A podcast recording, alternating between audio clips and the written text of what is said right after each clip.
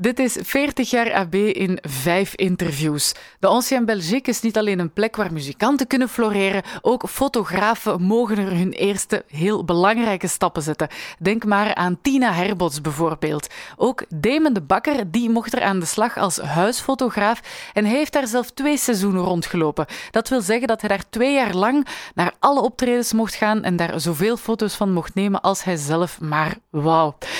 Hij is dan ook begeleid door de mensen van de AB en dat heeft hem heel wat opgeleverd. Maar Damon heeft ook veel wilskracht. Zo heeft hij zelfs de manager van de Killers zo ver gekregen dat hij een portret mocht maken van Brandon Flowers.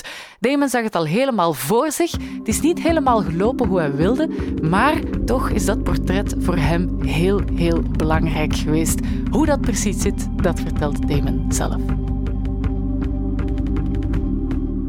Ik denk als ik een jaar of twaalf was en kwam naar Brussel met mijn ouders, dat gebeurde zo één keer op een jaar. Want ik ben oorspronkelijk van Maldegem, zo hoekje Oost-Vlaanderen. En uh, we kwamen naar Brussel en ik weet nog dat ik mij als kind of tiener kan herinneren dat ik voor de deur van AB stond. Maar die was gesloten, want het was tijdens de kerstvakantie, denk ik.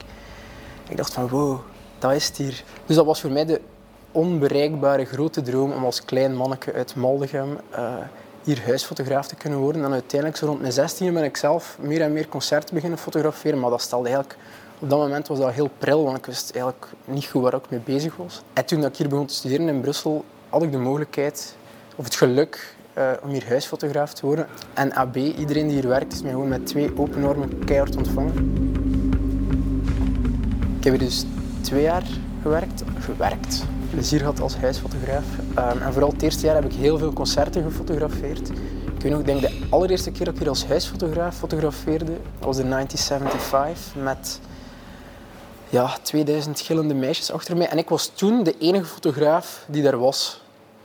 En ik dacht van, ja, dat was zo vreemd. Aan de ene kant had ik stress, omdat het hier zo de eerste keer was, dus ik wou het super goed doen. En dan staan er zo 2000, maar echt gillende meisjes achter u. Ik, ik kan me dat echt nog herinneren. Ik kwam bij en dacht van, wat is dat? Maar ik dacht ook van, ga nee, dat gaat hier wel een plezant jaar worden uiteindelijk.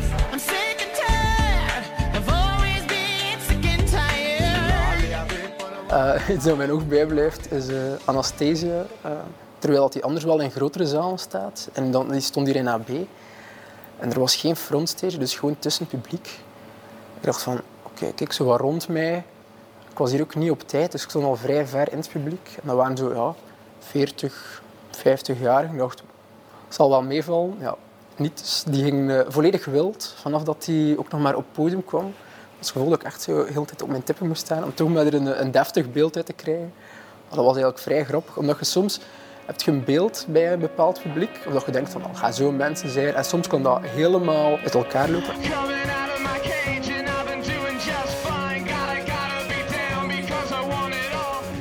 Ik merkte gaandeweg dat er zo wel wat mogelijkheden waren om portretten te maken ook. En dat was ook wel... Op dat moment besefte ik dat nog niet, maar nu wel, dat dat echt geen is wat ik nu vandaag en toen ook wel eigenlijk liefst van al doe.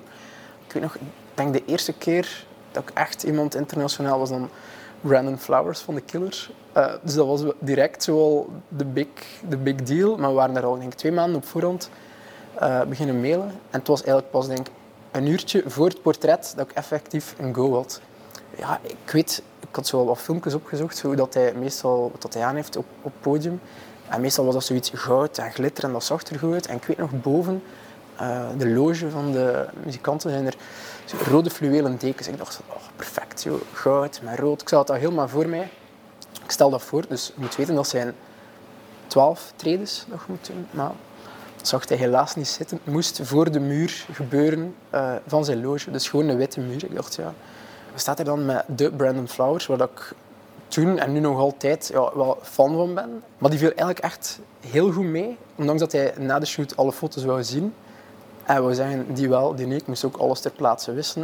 Op het moment, dat was, voor mij was dat echt nieuw. Dus ik wist niet hoe dat, dat ging verlopen. Maar um, dat portret was dan eigenlijk de start. Die witte muur tegenover de loge van mijn portretreeks die ik in het tweede jaar hier gemaakt.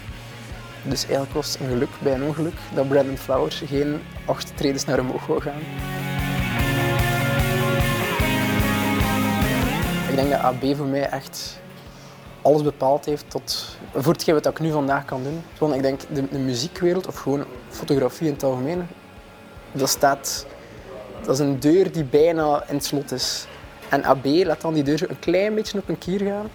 En als je dan zelf heel veel goesting hebt om eraan te werken en als je goed begeleid wordt, dan kan die deur helemaal open gaan. Moest dat er niet geweest zijn, denk ik niet dat ik vandaag gewoon kon doen uh, of kan doen wat ik zou willen doen.